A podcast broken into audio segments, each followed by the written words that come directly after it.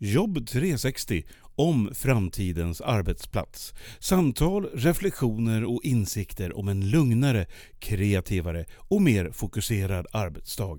Inbjudna gäster tillsammans med Pia Andreasson och hennes kollegor från Direxio.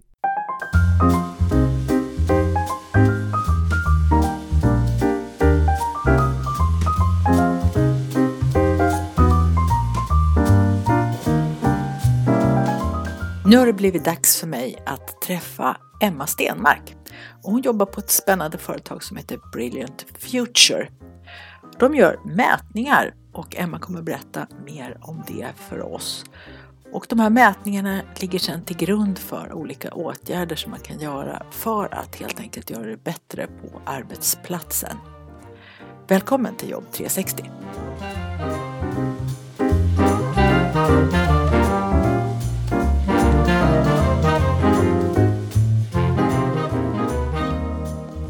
Välkommen till podden Emma Stenmark. Tack snälla, trevligt att vara här. Ja, det är jättekul att ha dig här också. Vi ska prata om väldigt viktiga saker idag. Men du får först berätta, du jobbar på Brilliant Future. Vilka är ni och vad gör ni för någonting? Vi är en organisation som jobbar med medarbetarundersökningar, kundundersökningar och analysera det här och kunna stötta våra kunder i att agera på det resultat som kommer ut främjar både ökad kunskap om medarbetarnas upplevelse, chefers upplevelse i organisationen men också kundernas upplevelse. Jag har ju haft din kollega Hugo van Hengel med i programmet förut och han är ju en analytiker så han berättar om det senaste om vad siffrorna säger. Du Emma har ju lite annan roll där på Brilliant. Vad är det du gör för någonting? Ja, men jag jobbar som organisationsutvecklare så jag tar vid och stöttar våra kunder eh, i samband med att eh, resultatet är på gång. Så jag utbildar mycket chefer i att använda resultat, få till förändring i sina grupper, i sina organisationer. Kunna använda resultatet i sitt ledarskap utifrån att det är ett kraftfullt verktyg, eh, allt detta spännande data som kommer ut. Jag utbildar HR i att kunna stödja sina organisationer på bästa sätt. Och jag jobbar mycket med att facilitera och leda grupper utifrån eh, resultatet. Så jag träffar mycket grupper i konflikter, mycket grupper med samarbetsproblem, kommunikationsproblem. Jobbar med dem, eh, ibland enstaka tillfällen, ofta över tid tillsammans med chef för att stärka och utveckla samarbete, kommunikation och förmåga att uppnå mål och resultat. Okej, och allt det här som du gör baserar sig förstås då på era mätresultat som ni har tagit fram hos respektive kund så att man har ett stabilt underlag, eller hur? Ja men precis, ingången är ju det och kopplingen till våra kunder. Så vi får en väldigt bra helhet skulle jag säga, att jobba övergripande. Vi ser ju och kan stötta både ner på enskild grupp och chef men också att kunna se hela avdelningar, divisioner, grenar av organisationen ända upp till högsta ledningen.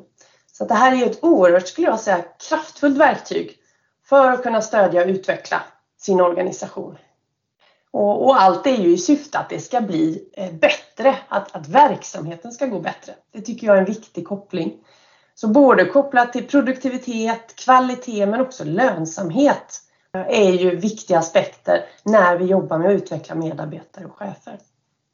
Ja, ni mäter ju mycket på hur medarbetarna har och hur de mår och sin, upplever sin situation och det, ju, det är ju en väldigt stark koppling till lönsamheten där.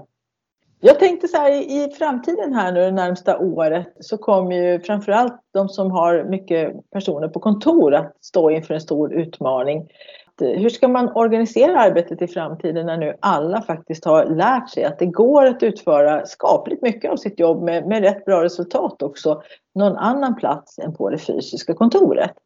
Och ändå så har man kontoren kvar, de står tomma idag när vi spelar in det här på våren 2021. Men alla företag och organisationer funderar nu på hur ska vi göra framåt? Vad ser du för någonting Emma att man behöver tänka på då när man ska rigga framtidens kontor? Det börjar bli ganska bråttom här nu också. Vi kanske är där någon gång i augusti-september.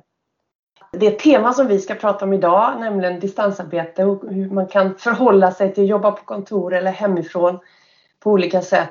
Under det här senaste året så har det rört ungefär en tredjedel av de yrkesarbetande i Sverige. Så det är ju den, det är den gruppen vi pratar om. Vi har ju också väldigt många medarbetare och chefer i andra yrken som faktiskt inte har kunnat jobba hemifrån. Så den aspekten tycker jag är viktig att inleda med. Men då, de medarbetare, chefer, organisationer som har haft och har möjlighet att jobba hemifrån. Jag tror att de står inför flera viktiga strategiska vägval. Man står inför frågor nu kring vilken typ av organisation vill vi vara framåt? Jag tror att det är mycket erfarenheter och kunskap som nu håller på att också tas fram. Jag tycker rapporterna börjar trilla in från olika håll. Både kopplat till arbetsmiljö generellt men också förutsättningar att utföra jobb hemifrån kontra på kontor och vad är vettigt. Så att eh, de här strategiska vägvalen ska medarbetarna få vara med och välja framåt var man vill befinna sig när man jobbar. Eller är det så att ledning, chefer ska vara med och styra utifrån verksamhetens bästa? Det kommer vara ett viktigt vägval tror jag. Jag tror också det kommer vara vägval kopplat till vårt team och teamarbetet. Hur ska vi och var ska vi befinna oss för att kunna jobba så effektivt och bra som möjligt tillsammans i vår grupp? Och slutligen också på individnivå. Vad, vad funkar för den enskilda individen? Det kommer också vara både varierande men också ett, ett viktigt vägval framåt. Ja, det är en väldigt delikat avvägning där som man har framför sig. Därför att det som man upplever att det saknas nu det är ju de här spontana mötena. Att man möter kanske någon kollega som man inte träffar så ofta eller kanske någon från någon annan avdelning och börjar prata om någonting. Och rätt vad det är så är man en problem på spåren eller har hittat någon lösning på någonting och så. Och det där är ju oerhört svårt att mäta vilken effekt det hade förr i tiden. Men nu är det många som säger att det här saknar man. Och jag är väldigt nyfiken på att se vad det kan betyda, vad ens fysiska närvaro, att man går med sin kropp till en viss plats, vad det har för inverkan då på det man uppnår tillsammans. För att vi är ju individer och det jag tror att man också har upptäckt är ju det att vissa får det ju bättre när man jobbar hemma och andra får det ju sämre. Och det råkar ju vara så att det är faktiskt inte så som man hade tänkt sig. Utan alla har ju fått liksom upptäcka vad, vad innebär det här för mig? Och alla ingår i någon typ av team också. Så man tänker sig att nu har vi ett eh, team där alla medarbetare har fått upptäcka lite nya sidor av sig, sig själv i, i relation till arbete och arbetsplats. Hur tror du att det kommer att landa? Jag tänker framförallt på det första du tar upp kopplat till individen. Och det tycker jag är verkligen något som visar sig och jag tycker det bekräftas av en, en av alla rapporter som har kommit nu. Myndigheten för arbetsmiljökunskap har just kommit ut med en sammanställning där de har tittat på, kartlagt just förutsättningar och arbetsmiljörisker för när man sitter och jobbar hemifrån. Och det man bland annat kommer fram till där är att man, har, man, man ser en tydlig individualisering av vilka förutsättningar som råder för den enskilda medarbetaren. Så beroende på hur det ser ut där just du jobbar, eh, där du bor, hur stort du bor, hur litet, bor du med andra personer eller ensam? Hur ser din eh, uppkoppling, bredband, hur, väl funkar det? Och ett antal sådana aspekter som påverkar den individuella möjligheten att utföra sitt jobb på ett bra sätt. Också personliga både kompetens, förutsättningar i att kunna eh, leda sig själv.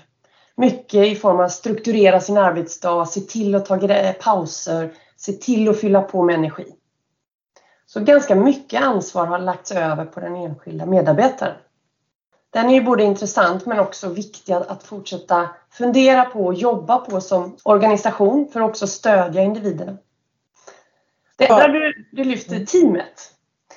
Det är ju spännande. Hur teamen jobbar och vad som funkar väl och inte. Generellt när vi gör undersökningar så är det ju självskattning. Och generellt så upplever ju väldigt många att, att det har funkat väl att jobba hemifrån. Eh, och man upplever att i det egna teamet att man ändå har, har fått till att kunna utföra sina arbetsuppgifter relativt väl. Det som kommer upp på lite olika håll är bland annat svårighet att samarbeta med andra arbetsgrupper. Vad vi också ser och som Hugo lyfte i det tidigare avsnittet som du spelade in här är ju svårigheten att känna kopplingen till de övergripande målen, helheten i organisationen. Man blir lite mer som en satellit och där ens egna team ändå är någon slags närvarande. Att man har svårare att koppla på de här helheten och den organisatoriska överblicken. Ja, där blir det fysiska kontoret faktiskt mycket som en symbol för arbetet. Man har en mm. logga, man har kanske en stor luftig lobby eller man har ett litet mysigt kontor eller vad man ännu har. Så eh, har ju inredningsarkitekter och andra, deras tankar har alltid varit att det här ska spegla organisationen och ge medarbetarna en, en känsla för omedvetet då, vad, vad är det jag jobbar någonstans? Mm. Och den försvinner ju helt och hållet. Och jag tänker att medarbetarna blir väldigt utlämnade för att nu ska man styra sig själv. Liksom man kan sitta i soffan och ha joggingbyxor på sig men man kan också klä på sig och, och kanske rigga en arbetsplats om man nu har möjlighet till det. Och just det här att man kommer tillbaka till sitt team med helt olika erfarenheter. Jag tänker på den här personen som kanske satt eh, ganska tillgängligt och människor frågar den personen, du Stina, vet du det här eller har du sett Kalle eller känner du till detta och så vidare. Hon var kanske lite, eller han, teamets eh, nod och samarbetscentral. Och nu kanske den här personen har upplevt att nej men nu kan jag blocka tid och jag svarar inte i telefon när, för jag ringer tillbaka när det passar mig och så vidare och har tänkt att jag vill inte kliva tillbaka till den rollen och sitta där i hörnet igen och se alla susa förbi. Det, det blir inte tal om. Mm. Eh, så, så kan det ju också hända att medarbetarna har, har liksom fått sträcka på sig lite grann och upptäcka andra sidor som också funkar. Eh, så hur tror du det kommer att bli i teamet när alla de här individerna kommer tillbaka nu? Utan joggingbyxor kanske, men, men ändå med den känslan. Jätteintressant aspekt tänker jag, för jag tror att utifrån de olika roller och kanske också påtagna roller som vi har haft tidigare före pandemin och kopplat till det du beskriver nu så är det nog inte helt ovanligt att, att vissa medarbetare hamnar lite i någon slags gungning där man inte riktigt har samma roll, blir mer osedd och inte lika bekräftad eh, som man kanske vanligtvis blir på jobbet. Och det finns ju risker med det i längden och om det pågår över tid, såklart.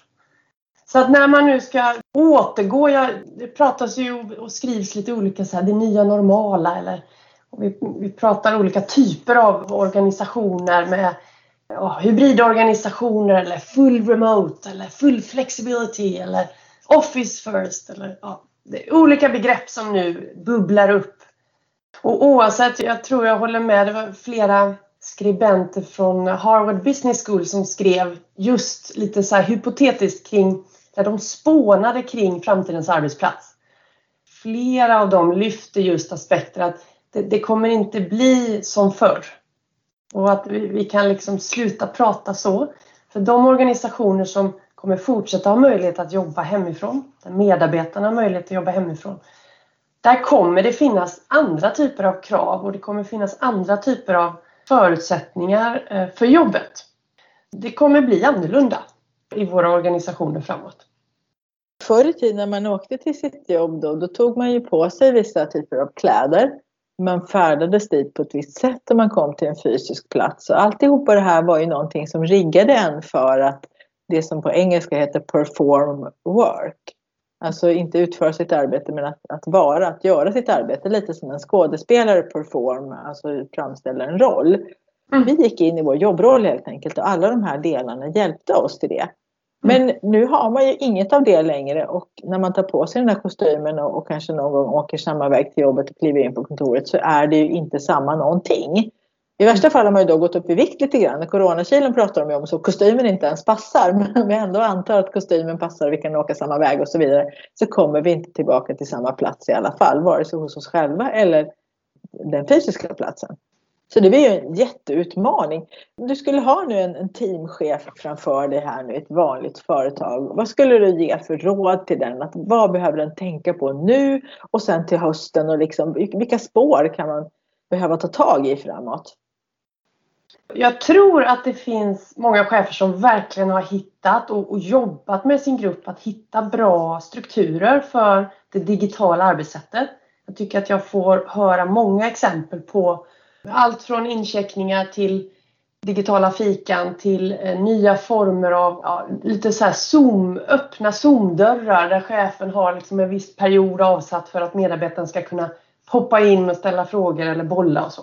Det, så det finns, tycker jag, verkligen exempel på chefer som har jobbat hårt och tillsammans med sina medarbetare och grupp utvecklat och hittat bra sätt här och nu. Men jag tror också att det finns eh, grupper och chefer som fortfarande har eh, lite svårighet att hitta de där eh, bra, effektiva sådana hacks kan man kalla det. Vad sa du? Digital hacks, alltså grupphacks. Alltså tips och knep som man använder som, ja, men, men, som eh, löser någonting man, på ett ganska enkelt sätt. Men man har inte riktigt eh, fortfarande hittat sätt som upplevs effektiva för gruppen och för medarbetarna. Där man kanske alltid träffas i helgrupp och sitter av gemensamma möten trots att gruppen är 10-15 personer. Där man kanske aldrig fortfarande har testat att dela upp sig i smågrupper när man reflekterar eller diskuterar. Där man kanske inte har funderat över hur man kan få till dialogen snarare än bara envägskommunikation. Som jag hör exempel på på vissa ställen. Så att fortfarande så finns det utmaningar och det finns i arbetssätt hur man skapar både en delaktighet och en inkluderande teammiljö så att man kan samskapa i det man jobbar med. Och det tror jag kommer kvarstå även när vi ser, ja, någon, någon gång under hösten kanske, vi hoppas att de som vill och kan och, och utifrån läget i organisationen ska kunna befinna sig mer på sina arbetsplatser. Då kommer ju erfarenheten vi tar med oss från det här året Eh, både de grupper då som har jobbat fram lite nya sätt och smartare digitala arbetssätt kanske kommer ha med sig den erfarenheten. Men vi kommer också ha andra grupper och chefer som då snarare fortfarande lite stampar i hur man ska hitta det, det smarta sättet.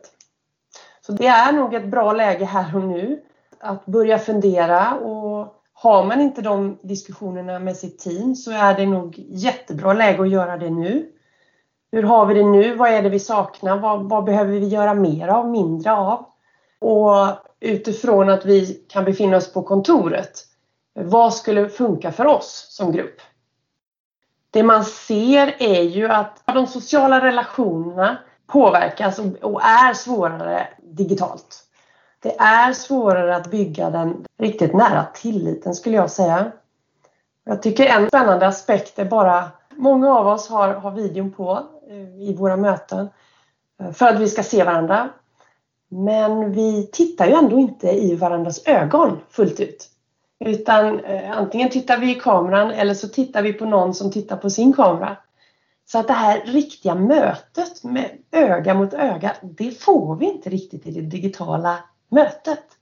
Det är nästa tekniska utmaning för teknikföretagen att montera kameran så att vi kan se varandra i ögonen. Och det tror jag de jobbar med nu väldigt mycket. Verkligen, Det borde de lösa snart. För som du säger, har man lite rutiner då tittar man in i kameran och då ser man inte andra människors ögon. Och då beror det helt på vilken roll man har. Jag menar, man är chef eller som jag då leder kurser, då är det inget problem. Nej. Eh, för så kan man göra. Att, men det jag tänker, du nämnde möten där. Jag tycker det ska bli så intressant för att förut hade vi ju fysiska möten i ett rum. Och vi kanske satt två timmar i bästa fall då med någon paus i mitten. För att det var det mest praktiska då. Så, precis som du sa att många kanske har hittat det här att man kan dela in i grupper och prata. Eller kanske ha kortare möten i mindre grupper och så kanske bara ett enda stort, också lite kortare för att alla ska kunna ses. Eh, för förr i tiden kunde det bli så att en möte med åtta personer och så rätt vad det var tre personer och pratade i en kvart om någonting tills de hade rätt ut det och så fortsatte mötet. Och det var helt naturligt då, förr i tiden, för det var ju så vi gjorde möten då. Mm. Och en organisation som försöker bara återskapa samma sak fast digitalt, det funkar ju inte riktigt lika bra. Men hittar man den här möjligheten då att fundera på vad gör vi egentligen på våra möten? Vad är det för typ av frågor vi tar upp? Vilka saker skulle vi lättare kunna reda ut om vi tre träffas före eller efter? Och sen bara berätta för gruppen vad vi har kommit fram till. Det hoppas jag på så att man ska kunna ta ut det bästa av båda de här funktionerna. Och att de här mötena som vi har på kontoret blir man berättar bra saker för varandra, man ger varandra inspiration, man kanske löser problem där hela gruppen behöver vara inblandad och så vidare och så vidare. Ser du att det finns organisationer som är på väg dit att tänka så? Ja men det tycker jag. Alltså, och vi har väl sett och hört i alla fall senaste månaderna med, med, lite olika organisationer som går ut också väldigt tydligt med vi kommer låta våra medarbetare jobba varifrån som helst. Eller nej men för oss är det viktigt att vara på kontoret. Det har liksom kommit eh, motsatsuttalanden skulle jag säga där. Och jag tror och gissar nog att majoriteten kommer befinna sig någonstans mittemellan. Där man ser att det finns ett värde av att erbjuda medarbetare att jobb, fortsatt jobba hemifrån. För det underlättar både eh, gränsen arbete-fritid, det minskar stress för många att hantera logistiken i hemmet, framförallt tror jag för barnfamiljer. Man ser också att det minskar stress för det är tid som sparas in på långa pendlingar och så vidare. Så den typen av, av fördelar finns ju. Och också en, en sak som lyfts generellt är ju möjligheten att sitta ostört och få jobba klart utan att bli störd. Så många som beskriver att man vanligtvis jobbar i öppet kontorslandskap eller aktivitetsbaserat kontor lyfter ju eh, utmaningar kring ljudnivå och störmoment. Många medarbetare har upplevt att det har varit fördel den här perioden. Kan man låta medarbetare välja mer flexibelt och, och, ha en dialog kring det så kanske det blir så att istället för att ha en massa enskilda tysta rum på det här aktivitetsbaserade kontoret eller kontoret där man sitter i, i landskap så kanske man säger att de här fokuserade arbetsuppgifterna gör det med fördel hemma. Bara det att vi kommer att behöva kanske från företagets sida styra upp lite vilka dagar det är. För att jag läste en undersökning eh, som Salesforce har gjort som stod på LinkedIn bara häromdagen om att de förutspådde då att torsdagen blir den nya måndagen. Jag tänkte det låter ju jättekonstigt. Men då hade de ju baserat det på undersökningar mer att de flesta medarbetare tänkte nog jobba hemma måndag, tisdag är bra så får jag unna liksom det jag behöver jobba med fokuserat. Och sen onsdag, torsdag kan jag åka in till kontoret.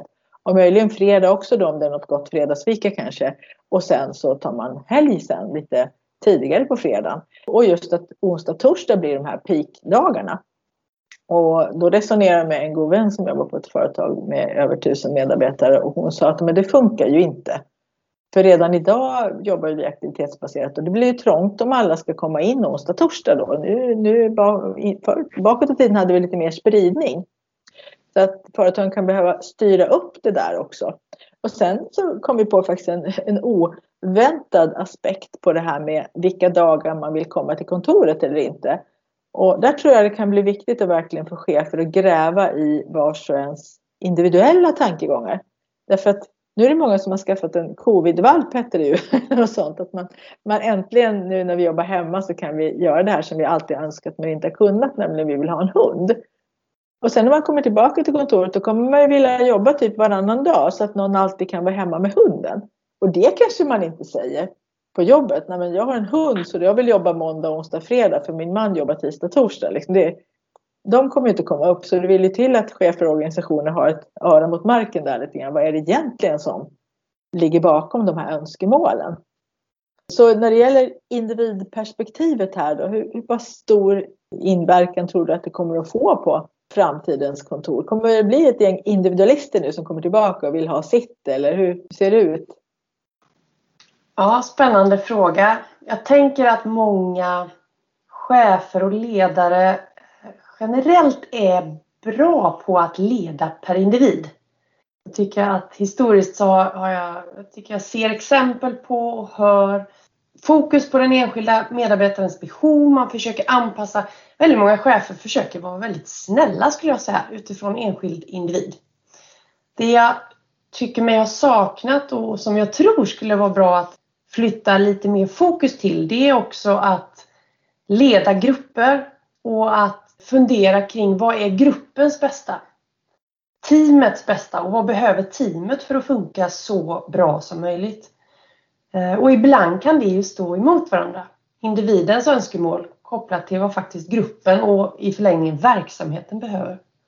Jonas Falk som arkitekt berättade en intressant undersökning som han hade läst att om, om jag kommer och stör dig Emma och säger har du fem minuter och så löser vi någonting som jag har med mig då kan du bli störd och tappa koncentration och kanske tappa 20 minuter. Men på gruppprestationnivå så har vi vunnit två timmar för att jag fick min sak löst snabbt och då sparade vi tid på gruppens nivå. Och det där fick mig att ändra ståndpunkt faktiskt. Jag har alltid tyckt att de där har du fem minuter är jättedåliga. Och då fick han mig att tänka att nej, men det kan faktiskt vara bra också. Och kan man få individer att förstå det? Att när vi sitter på kontoret så är vi lite där lite för att störa varandra och lösa problem tillsammans och så kanske lite snabbt. Att chefer får medarbetarna att förstå att på gruppnivå så vinner vi på detta.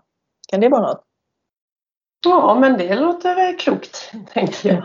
För, för jag tänker tillbaks till frågan med, med hur ska det funka på kontoret och hur individernas behov kontra önskemål.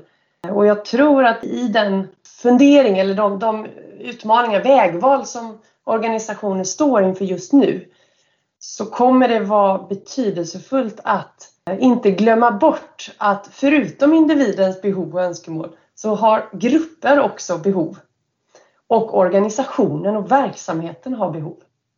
Och det här måste tas hänsyn till från olika perspektiv. Jag är ju sociolog i botten så jag älskar det här att tänka inte bara utifrån individperspektiv utan faktiskt få in ett gruppperspektiv men också organisationsperspektiv.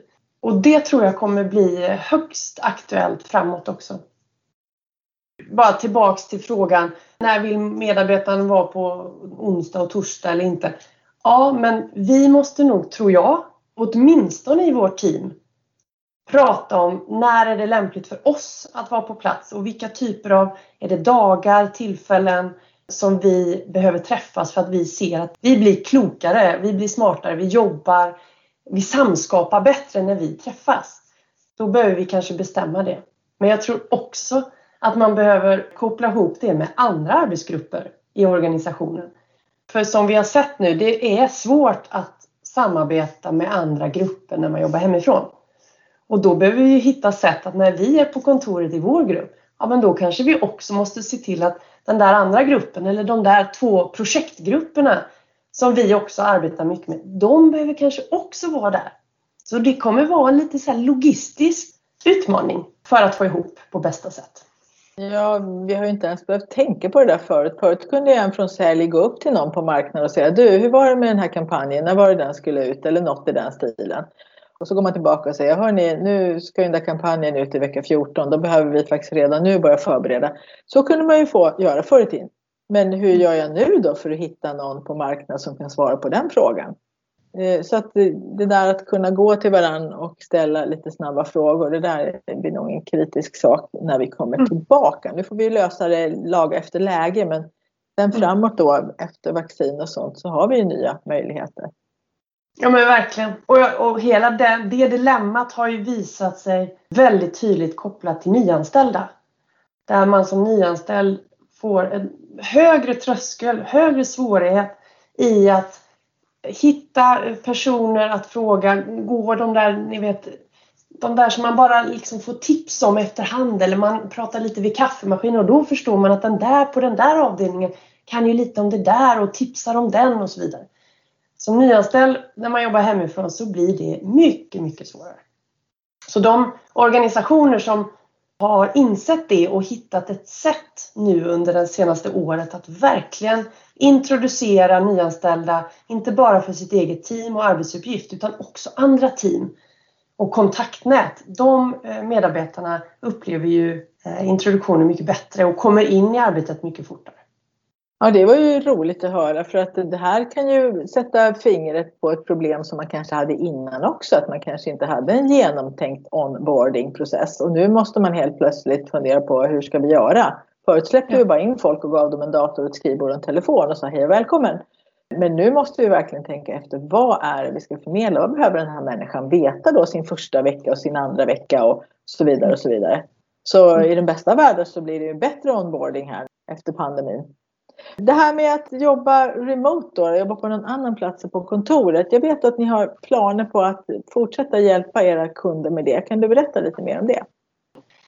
Ja, men vi på Brilliant jobbar ju hela tiden med att uppdatera oss och både ta in eh, önskemål från våra kunder men också följa ny forskning till behov som dyker upp och också utveckla våra frågebatteri, utveckla de erbjudanden som vi har till våra kunder i det arbetet så bland annat håller vi på och har precis faktiskt tagit fram ett antal nya frågor som just kopplar an till, vad säger man, framtidens arbetsplats. Så där har vi utvecklat nu som ska kunna fylla på hjälpa våra kunder att undersöka behovet och hur medarbetarna upplever eh, arbete på distans kontra på kontor och hur medarbetarna upplever hemmakontoret. Lite mer också kopplat till både ergonomi och tekniska förutsättningar. Men också eh, mer kopplat till det sociala samarbetet med kollegor och chefer. Så det känns bra att vi ska kunna stödja och inkludera eh, och erbjuda våra kunder ytterligare områden att undersöka. Ja, det är det kanske som är bra med att vara kund och se att man får inte bara siffror utan man får också hjälp att tolka siffrorna. Om man då utifrån det kommer fram till att ja, men då skulle vi vilja gå åt det här hållet så kan man också få råd från er då. Hur kan vi, hur kan vi då göra det och komma dit vi önskar? Vare sig det gäller då arbetsmiljö eller, eller relationer i teamet eller vad det nu kan vara. Vi har ju ett gäng både analytiker och organisationsutvecklare och beteendevetare som kan stödja och rådge chefer och ledning, HR, men också att jobba väldigt konkret tillsammans med kunderna och att få till förändring. Så man kan få både råd och, ta er i handen så att säga, att ni hjälper till och, och för grupper dit Ja, vill och vara. det är lite vår ambition att vi inte bara ska leverera siffror och staplar utan vi ska också hjälpa till och, och förklara, berätta vad staplarna och siffrorna betyder mycket mer kopplat till analyser och samband som vi kan se och vad vi också vet från andra branscher. Vi har ju alltid benchmark på våra resultatsiffror vilket gör att man verkligen kan jämföra sig både med hela vår databas men också specifika branscher. Sen ska vi också kunna stötta i när chefer och ledning vill agera på resultat. För ibland kan man känna sig lite rådvill när man har fått ganska mycket data Eh, som ledning. Och då kan det vara bra att, att sitta ner med någon av våra medarbetare, organisationsutvecklare eller analytiker eller personer som är väldigt insatta som eh, kan lite gallra och hjälpa till i, i prioriteringar och, och satsningar. Vi brukar säga nästa steg, vad är det? Ja, det är ju bra och det är väl det många organisationer och företag funderar på nu. Vad är nu nästa steg när vi ska tillbaka? Hur kommer det att se ut? Hur kommer det att gå? Så tack så jättemycket Emma för det här inspelet när det gäller framtidens kontor. Tack själv, roligt att vara med. På återseende kanske? Ja, det får vi hoppas. Vi får nog fånga upp varandra här under hösten sen och se vad det har landat om de här nya siffrorna som ni har med er och eh, tänker analysera. Toppen. Tack ska du ha Pia. Tack, tack. Hej.